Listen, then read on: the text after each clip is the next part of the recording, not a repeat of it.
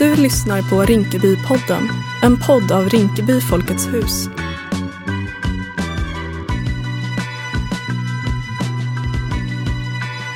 Välkomna till Rinkebypodden som idag handlar om Nobelpriset. Närmare bestämt om Nobel i Rinkeby. Jag heter Carl Hamilton och idag har vi besök, ett exklusivt besök av litteraturpristagaren Jon Fosse. Men innan dess så ska vi tala med Anneli Drevsen som är författare och ansvarig för Nobel i Rinkeby.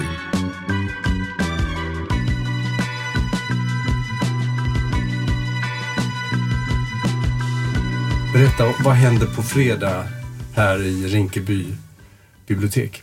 Då firar vi ju Nobel i Rinkeby och Tensta och gör den stora avslutningen som det är för oss för det arbete vi har gjort i år. Och då kommer ju vår eh, Nobelpristagare på besök, Jon Fosse, årets litteraturpristagare. Ja. Så då eh, direkt när han kommer hit och får sätta sig ner längst fram i publiken som vår hedersgäst så kommer barn och ungdomar från eh, området att framföra sin hyllning och presentera på vilket sätt de har jobbat med hans texter De, de säger att han är mycket blyg.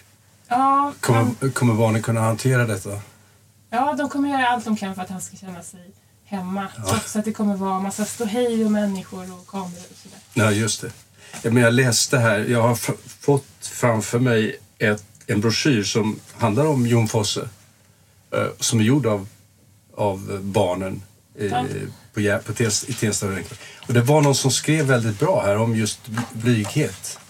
Ja, ja men ehm, precis. Och så underbara eh, citat. Här skriver Asli. Jag ser fram emot att träffa dig. Jag vet att du är väldigt blyg, men det är lugnt. Vi är också det. Ja, men vi såg på en, en eh, äldre intervju från SVT Babel som låg på Ja. ja. där han pratade om att han, hur mycket han ogillar all uppståndelse som blev när han, han är, ju en, är ju, eller var, världens mest spelade levande dramatiker och åkte runt i hela världen. Och det var massa ståhej. Och så pratade han om hur obekvämt han tyckte att det var. Ja, precis. Eh, så att det... ehm, och det är ju intressant då att han ändå har tackat ja och komma hit. Ja, just det. Men jag hörde att han, eller jag tror att det var då han sa att för att klara av alla mottagningar så, så drack han kolossala mängder sprit. Ja, men, Och sen när han slutade dricka whisky så kunde han inte gå på mottagning längre. Men då började han läsa, för det är också en, en som har skrivit om här, Ja, ehm, att när han slutade dricka och han blev katolik vid samma tillfälle och då infann sig ett lugn som Mm. gjorde att han också kunde ta sig an texter. Och det är också unga, ett par killar i Tensta, då, de går i nian, som har skrivit till honom om, om det där ehm, och frågat om en av de texter vi har läst, om Ja. det möjligen finns en koppling till, till eh, Fosses eget liv där. För det handlar just om det här lugnet som kan infinna sig när man läser. Och en annan kille skriver att han känner igen sig i det där. För, för honom är det som en konst. Jaha. För dig så var ett viktigt datum den 5 oktober i år. Ja. Vad hände då? Ja, Men då, då hade vi varit igång och jobbat lite med de här olika grupperna av barn som vi jobbar med. Och då, eh, den dagen så var vi bjudna då klass 9 på Enbaktsgården i Tensta. Först till Nobelprismuseet där de fick ett specialprogram om Alfred Nobel och inför tillkännagivandet de fick lära sig lite mer om hur det går till när Svenska Akademin väljer litteraturpristagare. Och sen ungefär halv ett kanske så var det fem elever som fick följa med oss eh, författare och projektledare upp i Börssalen. Och så satt vi där på bänkarna bland alla journalister. Och det var helt knäpptyst. Och sen prick klockan ett så öppnades dörren och så klev Mats Malm ut och berättade att det var en norsk författare som heter Jon Fosse. Och så var de där och fick, fick se hur det här togs emot och bli intervjuade. Och, Och vad är en, hur, hur sker arbetet på skolan? Eh, ja, men jag är ju författare och sen samarbetar jag med svensklärarna förstås. Eh, och läser in mig på pristagaren så fort jag kan. Eh, och det kan ju se lite olika ut. Jon Fosse är ju inte, han berättar ju inte så mycket om sitt privatliv. Så där är ju verkligen fokus på texterna. Ibland kan det ju vara att det finns ett väldigt spännande liksom, personligt öde bakom som man kan lyfta fram först. Men vi går, liksom, gick direkt på texterna och läste eh, en dikt som han har skrivit och eh, vi har även läst prosautdrag och vi har läst lite grann ur en bilderbok som han har skrivit som heter Kant. Och då kunde vi läsa den på originalspråk på nynorsk. Ja, roligt. Eh, inte hela boken, Ja. men ett utdrag. Och din väg in i det här, du är ju författare, barnboksförfattare och har väl en gång i tiden varit lärare också? Är det inte Ja. så? Jag jobbade som lärare på Tensta gymnasium när det fanns. Vad tycker du är viktigt med att få jobba med Nobel i Rinkeby? Ja, men det som... ehm, själva grunden till att det här finns och att Gunilla Lundgren och Elly Berg startade från början, det är ju flerspråkighet. Mm. Eh, att, att lyfta fram flerspråkighet som, som något bra eh, och värdefullt. Det är en naturlig koppling mellan de barn och ungdomar som bor här och Nobelpristagarna. Det är språket som gör att vi, eh, att vi når varandra. Eh, och det att flerspråkighet har jag jobbat med på olika sätt. Det var Mm. det som gjorde att jag blev författare också från början. Att jag började skriva böcker som var på flera språk. Eh, men också såklart att jobba tillsammans med barn och ungdomar. Det är ju det roligaste som finns. Och att, visst, det är, det är spännande att läsa en Nobelpristagare, men att läsa den tillsammans med, med 12-åringar eller 15-åringar, det är ju ännu bättre. Vad, vad, vad händer då? Nej men de har så många infallsvinklar. Mm. Från liksom små detaljer, med Fosse så är det om det här med att inte ha punkt. Ja. Det är ju jättekonstigt. Liksom någon blir provocerad, någon tycker att det spelar väl ingen roll, någon har dyslexi och säger åh vad skönt, någon annan som inte heller tycker sånt där så noga. Ehm, men också ganska liksom, djupa tankar om, om form, om innehåll och sådär. Så det, det är liksom allt. Ja, Och det är precis. det som gör att det blir så mångfacetterat Ja, jag läste i er eh, i vårt häfte. i ert häfte om Jon Foss och Nobelpriset. Jag blir, jag blir naturligtvis själv hårt provocerad av, av att det inte finns några punkter. Jag undrar var han har gömt dem någonstans. Men jag blir verkligen rörd av den här pojken tror jag som, var, som är dyslektiker och, och som kände igen sig. För han, han hade heller inga punkter i sitt språk. Ja. Och han tyckte de kunde komma lite var som helst. Och där har nog han och Fosse kunnat enas. Men också när vi börjar titta, när vi börjar närläsa en text och se men vad har skiljetecknen för betydelse? Vad händer när man gör så här? Om man till exempel har väldigt långa meningar eller väldigt korta meningar. Om man har en massa utropstecken som liksom är instoppade flera gånger i en mening och upptäcker att ah, det här påverkar ju hur vi läser den här texten. Vi, flera elever sa att de fick en, en sorts en, en specifik känsla av det här. Det skapar en, eh, en oroskänsla. Eh, Det har ju såklart också att göra med händelserna i den här texten. Den heter Vattenpistol. Och handlar om ett, ett litet barn som ska hämta någonting och ramlar och skadar sig så att det sprutar blod. Men då den här att också se vad kan vi göra med språket? Och det är inte bara orden i sig, det är också skiljetecknen. Och det var nog en liten aha-upplevelse för flera elever. Tack Anneli Drevsen som alltså är ansvarig för Nobel i Rinkeby. Nu ska vi lyssna på några av barnen som är med under Nobeldagen. De har förberett sig genom att läsa in sig på litteraturpristagarens arbete och också genom att producera ett häfte som presenterar litteraturpristagaren, diskuterar hans eller hennes verk och eh, innehåller också barnens egna reflektioner kring litteraturpristagaren. Lyssna här. På fredag ska vi, eh, ska vi uppträda. Vi ska prata på olika språk. Och vi, ska, vi har gjort ett tidskåp som vi har skrivit en text. Och vi ska läsa upp en dikt. Eh, vad, är, vad är det här tittskåpet för någonting? Tidskåpet är en slags så här, en berättelse som vi har hört om boken Alida och Asle. När de flydde och alltså, att Alida blev gravid och så. Okej. Vad tyckte ni om boken? Eller vad tyckte du om den boken? Jag tycker att den var bra men jag är så här lite sorglig för att eh, Alidas mamma alltså skickade ut Alida från huset eller sparkade ut. Vi har, vet det, när vi hörde så använde vi vår fantasi, klippte och klistrade och gjorde olika saker. Och hur ska det bli att träffa Jon Fosse? då? Det känns lite roligt och lite pirrigt samtidigt. Hej, jag heter Selma. Jag är 11 år gammal och jag går i Askebyskolan. Och jag har ritat en gubbe, en gammal gubbe, som sa att eh, de kan övernatta i värdshuset. Och jag har rit, eh, gjort en segelbåt som de seglade till eh, Björkvid. Och jag har eh, gjort en fiol som, vad heter det, Asle ärvde efter sin eh, kära döda pappa. Och vad tyckte du om den här boken som ni fick läsa? Den var spännande men lite sor sorglig för att eh, när Alida, en av karaktärerna, hon blev gravid när hon var 17 år, då kallade hennes mamma sin egna dotter för ett fult ord som börjar på H och slutar på A. Och det var, alltså det var också synd om dem för att de fick ingen hjälp när Alida var gravid så de behövde fly till ett anna, en annan stad. Och hur ska det bli att träffa han som har skrivit den här boken och som ni har jobbat så mycket med? Ganska spännande men alltså jag, det är lite pir, pirrligt för att tänk om man säger något fel eller eh, råkar göra något pinsamt eller något sånt. Det kommer säkert gå jättebra. Ja, jag tycker också det. Jag heter Gita och eh, det var jag som gjorde Alida och Asle. Mm, I det här tittskåpet? Exakt. Ja, vad fina.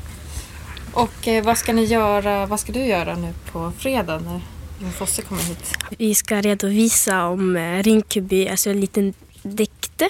Och sen kommer jag läsa lite om eh, Alida Asle. Och hur tycker du det känns, eh, det ska bli att träffa honom? Kul och samtidigt pinsamt. Ja. Mhm. Ja. Hur då? då? Jag vet inte, men så, så, samtidigt så man kommer skämmas lite. Känns, ja. Okej. Och tyckte du om eh, de här texterna du fick läsa? Ja, de var, de var bra men fast det var synd att de är bara 17-åringar. Asli har inga föräldrar och Alida har bara en elak mamma och hon är gravid. Vad kände du då när du läste det? Lite sorgligt. Ja. Och nu, nu ska vi repetera hur, Ska hur de ska kunna säga välkommen på olika språk till Jon Fosse. Ska jag säga välkommen till Rinkeby? På svenska, välkommen till Rinkeby. På arabiska, marhaba bikum fi Rinkeby. På franska, bienvenue Rinkeby. På norska, välkommen till Rinkeby. På somaliska, kusada och Rinkeby.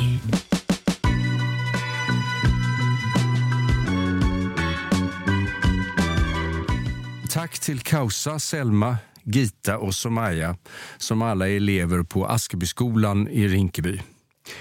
De ägnar höstterminen åt att förbereda Nobel i Rinkeby genom att läsa in sig på litteraturpristagaren och eh, producera ett fantastiskt häfte över Nobelpriset, årets pristagare. Om en liten stund så ska vi tala direkt med Jon Fosse. Men många frågar sig hur startade den här traditionen som är så välkänd och så omtalad att Nobelpristagare lär ta kontakt med varandra och berätta om upplevelsen i Rinkeby och rekommendera den årets Nobelpristagare att åka ut hit. Och därför ska vi nu prata med Gunilla Lundgren. Som ni alla vet så är det var Gunilla som grundade Nobel i Rinkeby. Hur länge sedan var det Gunilla? 1988. Berätta, hur, hur började det? Jo, det var Ellie Berg som var min arbetskamrat och hon jobbade med bild och jag jobbade med ord på ungdomsgården i en ord och bildverkstad. Så vi var på ungdomsgården varje vecka och vi gjorde, vi gjorde böcker och vi skrev artiklar och gjorde utställningar. Och då när Naguib Mahfouz fick priset, då hade vi blivit så trötta på att hela tiden skulle vi svara på varför barnen i Rinkeby var halvspråkiga. Och vi sa alltid samma sak. De är inte halvspråkiga, de är flerspråkiga och det är något bra. Ja, men du är ju en mästare på det här att turnera alla problem och göra det till någonting väldigt bra. För att jag hörde, jag hörde dig på tv eller radio och då var det någon som sa att det var en att eh, Rinkeby var ett, eh, ett utanförskapsområde eller något sånt där. Och då, sa- då sa du Nej, det är en, inna, det är en internationell stadsdel. Ja. Och då kände vi alla som inte redan bor här att där vill jag bo. Ja, Ja. ja. men det är så. Ja. Och det är ju så att Ellie och jag tänkte att många nobelpristagare skriver på andra språk än sitt modersmål. Och Ja. många nobelpristagare lever i exil. Ja. Så då tänkte vi, nej, nu tar vi tag i det här. Nu ska vi göra ett häfte till Naguib Mahfouz för att hylla honom från Rinkeby, från arabisktalande barn här. Så vi tog kontakt med Nabila Al-Fakir som var modersmålslärare på Bredbyskolan. Och så satte vi igång att göra ett häfte till Nagib Mahfouz på arabiska och svenska. Ja, och, då, eh, och, och, och, och var skedde det här i Rinkeby? På Askebyskolan Fast- och lite överallt. och lite Barnen fick gå och teckna på torget och de fick skriva och berätta om sig själva och allt möjligt. Men jag har hört att ni även var på bowlinghallen och hos polisen. Ja, alltså under, under vår Hur stod- Hur verksamhet. stod de ut? Jag Nej, tänker men- inte på barnen utan alla de här som fick besök. Nej, men de blev nog glada som när jag kom till bowlinghallen. Det var Reino Sarri som jobbade där och då frågade jag honom Ska inte komma och skriva med dina bowlare? Jo, försök du, sa han. Så jag gick dit och så frågade jag vill ni vara med och skriva? De såg väldigt frågande ut, de här grabbarna. Vad skulle det handla om? sa de misstänksamt. Om bowlingen, sa jag. Ja, då skrev jag om bowlingen. Mm. Så det var inga problem. Men det här med, vi gjorde i alla fall det här häftet. Och vi gjorde allt själva. Vi klistrade och det blev lite snett ibland. Och det, det, men vi gjorde vårt bästa. Vi, vi drog kopior och vi gjorde allt själva. Och Nagib Mahfouz var för gammal. Han kom inte till Sverige, men hans döttrar kom. Och då gav vi det här häftet till döttrarna. De var överväldigade. Det var otroligt roligt. Alla skrattade och kramade varandra. Och ni fick en kontakt på Ja. Svenska Akademin? Ja, genom Odd Sidrich Ja, som det. var vår stora, stora Ja, hjälpare. och, och han var, vid den tiden var han kanslichef eller något sånt Ja, där? han var kanslichef. Och det var han i många år? Ja, han stödde oss alla år. Ja. Och vi fick komma dit och vi fick komma in och titta på alla saker Börssalen och kristallkronorna och Gustav IIIs staty. Han berättade om allt. Det var ju fantastiskt. Vi fick komma in där och vi fick också vara med Ja. när man tillkännagav Nobelpriset Jaha. i litteratur. Det var tack vare Odd och den traditionen lever vidare. Ja, för, Så för, vi- och för i år så var det en grupp Ja, elever härifrån. Ja, vi har fortfarande jättebra kontakt med både Svenska Akademin och Nobelprisbiblioteket. Ja. Men det byggdes upp av Odd. Verkligen. Och då gjorde ni den första broschyren? Ja, och så hade vi så roligt. Vi var ganska utslitna när vi var färdiga. Ja, Men det vi tyckte det var så mig. roligt så vi tänkte men, ja, vi gör väl nästa år också. Och så har vi fortsatt nu. Då. Ja, nu har vi ju mycket mera hjälp. Nu är det ju, nu klistrar och klippar vi inte. Och Nej, nu blir det ju snyggare. Ja. Och, så Ja, ni, ni, ni, ni gjorde det här verkligen för hand? För hand. Inte i en dator Nej, utan nej, ni, nej, ni kunde klippte och klistrade och skrev? vi kopierade, Ja. klistrade och skrev. Ja. Så vi var väldigt uppfinningsrika. Ja, jag har sett det. Och, och, och barnen skrev. Ja. Och i- ibland skriver de egna, Ja. eh, egna dikter. Ja. Och kom, inte bara kommentarer, utan egna, de är inspirerade av pristagaren. Är det inte så? Absolut, som till Wisława Szymborska till exempel. Mm. Vi gör ju varje häfte ser annorlunda ut beroende på vem som får priset. Jaha. Så när Wisława Szymborska fick, då skrev vi dikter till henne. Eh, Günter Grass, Ja. ja, då gjorde vi matrecept för han är väldigt intresserad av mat. ja, han äter mycket fisk. Ja, till Dario Fo skrev vi en pjäs. Nej. En väldigt rolig pjäs om tre kvinnor som bråkar i tvättstugan. En kurdisk, en turkisk och en Det är somalisk. jättekul. Och väldigt, för då kunde vi skoja, för det, det är fars. Ja. Så varje häfte har sin profil. Ja, ja. Vad är det du fäster dig vid hos eh, Fosse? Hos Fosse är att han skriver om mycket svåra saker. Han skriver om alkoholism och övergrepp och en fattig barndom och, och människor som beter sig på svåra sätt. Men det finns en väldig humanism. Det finns inte ett uns av ironi. Det finns bara medkänsla. Mm. Så det är gripande. Vad tror du att barnen har tagit med sig från mötena genom åren? Alltså, jag får hela tiden de mest roliga händelser. Till exempel åker jag taxi. Och Då vänder sig en jättesnygg taxichaufför om och säger Är det inte du som är författaren? Ja. Ja, säger jag. Kommer du inte ihåg mig? säger han. Men vad, vad, vad har vi gjort ihop? säger jag. Ja, men det var ju jag som skrev dikter till henne. Du vet, hon den där Wisława, säger han. ja, det är jättebra. Ja. Eller jag går på ett konditori vid Stureplan och sitter där och har beställt en bakelse. Det är samma kommer en jättevacker ung kvinna fram och säger är du författaren? Ja, vad har vi gjort då? Ja, men jag var ju med i den där boken om Rinkeby. Men vad roligt att träffas. Då får jag inte betala. ja, det är jättebra. Ja. Och det funkar. Ja, jag har, jag har ett intressant liv. Ja, tack. Tack Gunilla, vad härligt att du ville komma hit och berätta om Nobel i Rinkeby. Du som har grundat det här som nu har blivit en institution. Det var jätteroligt att ha det här i Rinkebypodden. Mm, tack, så mycket. Tack. tack.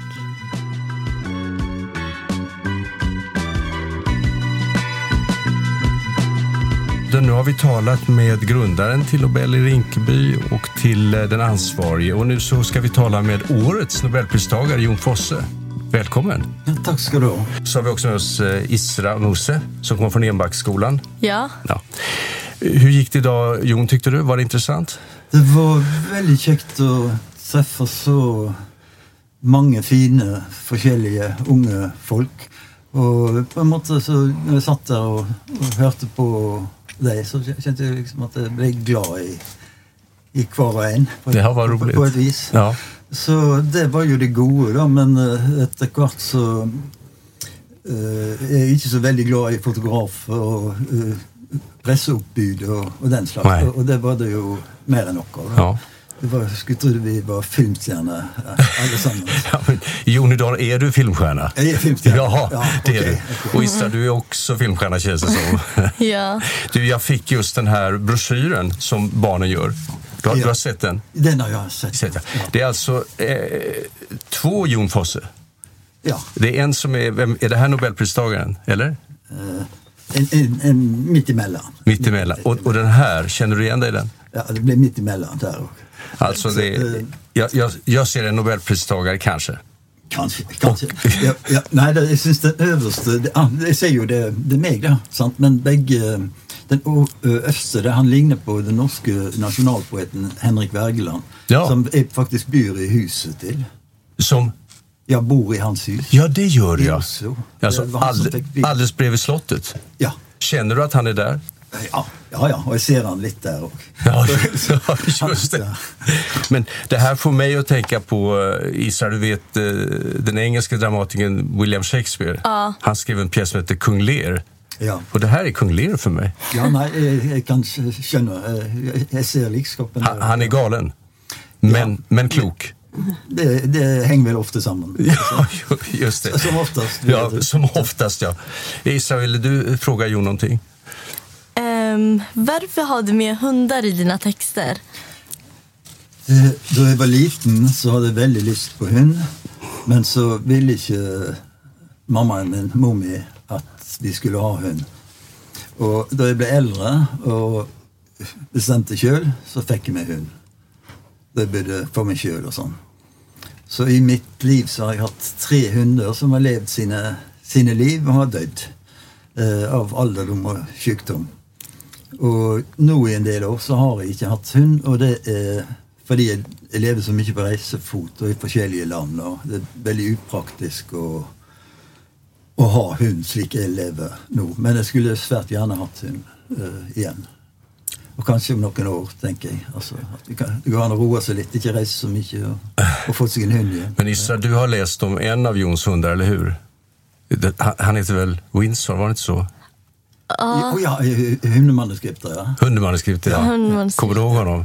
Ja, lite grann. Nej, vi, vi, läste bara lite av dina texter ja. och så märkte vi så att du har ganska många hundar i dina. ja, precis. Det här stadsdelen Jon, Rinkeby och Tensta är ju så kallade utanförskapsområden. Ja. Eh, och det kan man, vi själva kallar vi det här för en internationell stadsdel. Ja. Det låter mer positivt. Men det här att vara utanför, hur, hur viktigt är det för en författare? Ja, jag dyrker ju på en måte utanförskapet och har gjort det hela mitt liv. Mm. Jag har känt mig som en slags outsider för, för jag började få en slags självupplevelse eller en måte uppfatta mig själv på da. Och i, i mitt vuxna liv så har jag ju levd av att skriva och då lever du ju på en måte utanför mm eh, samfunnet i en viss förstånd. Du, du, ja, du sitter nog där och skriver. Är det ett problem att man blir så uppmärksammad som du har blivit och ett pris som Nobelpriset går ju inte att dölja på något sätt. Är det ett problem för outsidern att, att plötsligt vara inte outsider utan insider? Eh, det kan det helt sikkert være, og det har det vært for meg. Men det er ikke nok Det, det, det kommer ikke bort på meg. For jeg hadde jo for ganske mange år siden et veldig stort internasjonalt gjennombrudd som mm. dramatiker. Så jeg reiste jo rundt faktisk hele halve verden i 15 år. Oi. Og var en slags uh, teaterstjerne. Da. Eller det Ja. var litt sånn uh, rockeliv altså, med, med, ja, med hotellrom her og ja, rundt omkring. Ja. Og sånt. Så um, Så, och, och mycket press då och intervjuer och, och styr och ställ. Ja. Så, så, det, så på en måte har jeg vent meg til det, da. Ja. Men eh, det betyr ikke at jeg liker det og at jeg oppsøker det. Jeg prøver å unngå det så langt som jeg kan. Og en viktig, eller Jeg likte jo å skrive, da, og, men eh, en annen viktig grunn til at jeg setter meg ned for å kanskje bli forfatter, det var jo at jeg ville leve litt i skjul.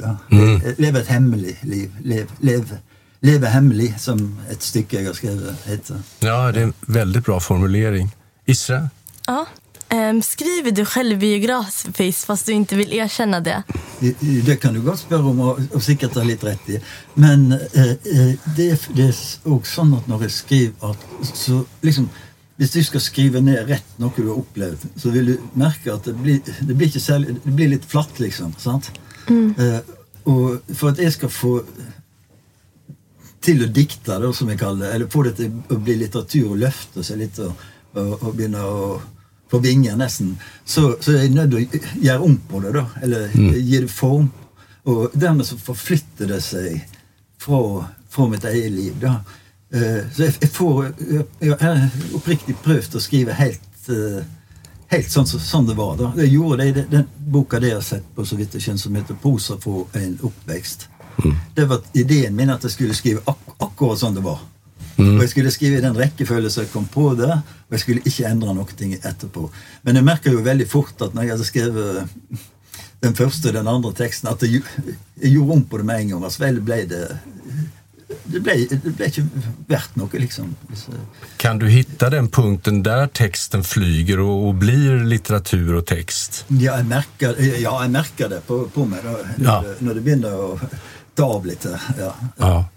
Det er jo da når du er med på det, eh, flygningen, da, Ja. på, si, eller på, på den turen, at, det- at det er veldig kjekt å skrive og, og dikte. Kan det vara små saker ibland som att man byter från tredje till första person eller något sånt som får det att plötsligt ge sig av, som du säger? Ehm, akkurat det, det har jeg gjort mange ganger, skifter fra et første til tredje, men jeg tror ikke det har, gjort noe sånn avgjørende på det, på, på det planet. Ja. Så det er kanskje lettere å få det til eh, skriveteknisk, for å si det sånn. Jag, jag kommer ihåg, det finns en svensk författarinna som heter Maria Gripe som har skrivit älskade barnböcker. Hon berättar om en av sina mest berömda böcker att hon skrev först 100 sidor i första person singularis och sen fick hon erkänna att hon älskade historien men den var helt död. Ja. Och så bytte hon till tredje person och plötsligt så flög den iväg och blev Nei, något. det, det er godt mulig at eh, det kan være sånn.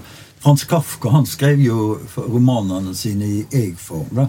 Og så kjente han at da ble det for tett. For, eller det ble for sjølbiografisk. da. Mm. Ja. Så han skrev de om liksom i tredje person da, for å få litt vekk fra, fra seg sjøl. Ja. Um, men jeg liker ofte Jeg kan blande jeg og tredje person. I, i den lange romanen jeg har skrevet nå nylig, da, 'Septologien', der, der er det en jeg-forteller, men han går jo alltid inn i, Han går over fra og Han begynner sånn 'Og jeg ser meg', et eller annet, Ja. og så går han over i, i tredje person. Ja, precis. Vi eh, befinner oss i en förort där väldigt många människor är religiösa och tror på en gud. Och, och du är ju eh, troende katolik, Jon. Jag ja. Ja, och jag antar att ni tror på samma gud. Vad, vad, vad, vad gör religionen i, med ditt eh, skrivande? Du kan se at eh, som eh, min eh, eh, har god kontakt med et dominikanermiljø i Oslo. da. Ja. En gammel pater der, han nærmer seg 90 år. Han ser det sånn at Gud har lagt ut eh, forskjellige, eller mange veier til seg. Eller forskjellige religioner. Eh, og det er slik jeg òg tenker på det. da. At eh, det mange Eller det sies på en måte sjøl, det, det er mange veier til, til et mål, for å si det sånn. Ja. Og, eh, og for meg, da, som med min bakgrunn, så ja, så kjennes den katolske kirka ut som det som var nærmest, eller på en måte mulig for meg å, å gå inn i for, Gå djupt inn i det, for å si det sånn. Selv om jeg er mer fascinert av den ortodokse Var, var, var det en olycka att eh, den katolska kyrkan splittrades? Nu är det ju ett tag sedan, eh, 1500-talet. Ja, ja. Men var det en olycka att kyrkan delades upp i två delar? Jeg vet ikke. jeg, altså det, du, du har jo, De første, første splittinga var jo mellom den, eh, det du kaller den katolske og den ort- ortodokse kirka. Og Da fikk Just vi- to forskjellige kristendomstradisjoner. da, eh, som, og i den ortodoxe så lägger en mycket mer vikt på, låt oss kalla det mystiken. Mm. Eh, i, i mässa eh, än i den västliga som är mer rationalistisk, mer knytt till filosofi och den, den grekiska traditionen. Ja. sig. Så, och reformation, det var ju, jag tror det var på hög tid med reformering av den tids katolismen. Mm. katolicismen. Eh, så den har säkert allt fört till något gott och allt fört till något dåligt som regel. Finns det, en, eh, finns det en likhet mellan religionen och eh, litteraturen? Ja, och mellan alla religioner så eh, jag säger innanför islam så hade ju sufismen då, eh, innanför jødedom hade ju kabbalismen, sånt. Då den kristna mystiken. Och det är på det nivået, när det kommer till det, det nivået där jag upplever min tro då, eller Mm. min tro, det är som en slags eh, mystisk insikt Mm. som är, är lik. Enten, enten du är jude eller ja, hva det måtte være. Altså det, det er helt påfallende likskap mellom, Ja. mellom mystikken i, i alle religioner. Ja. Buddhismen òg. Altså det, Ja, det, det. det, eh, så den, den møtes eh, eh, Møtes alle, alle religioner så langt jeg klarer å se. Du känner ju till den svenske profeten Swedenborg såklart och eh, Olof Lagercrantz, en, en eh, viktig svensk poet och tidningsman, han skrev en bok om Swedenborg där han just, just uppmanade oss att se Swedenborg som eh, litteratur. Jeg mener at en bør lese eh, eh, Bibelen som litteratur. Mm.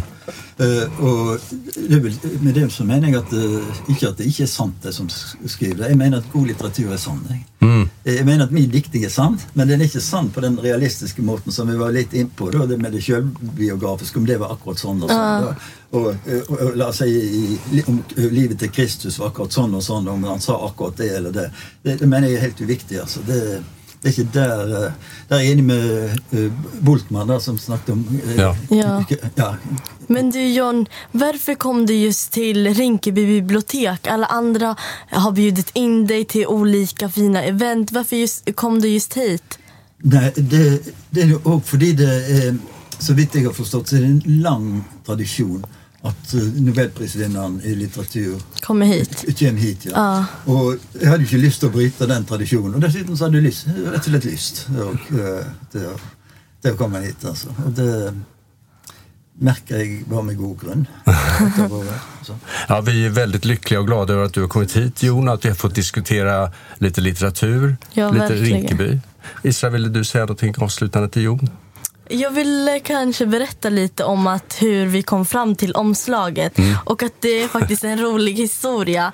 För att det var två elever som hade målat port- porträtt av dig. Och sen så tänkte man hur ska man lägga bilderna? Och sen så Anneli, hon som gjorde det här, råkade göra dem spegelvänt. Och då blev det så här och så alla bara, ah vilken bra idé. Så hade man kvar det. Ja. Jag hoppas du kan leva med denna dubbelhet. Det, kan- det går att sova med. Vare sig du heter Asle eller, eller Jon.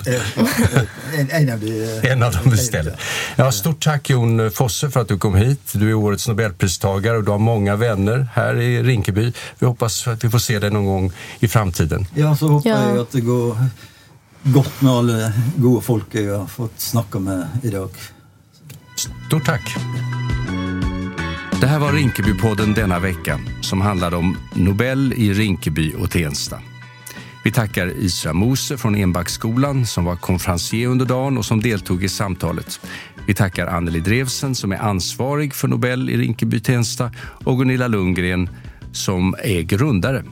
Vi tackar Jon Fosse. Nästa vecka handlar Rinkebypodden om politik.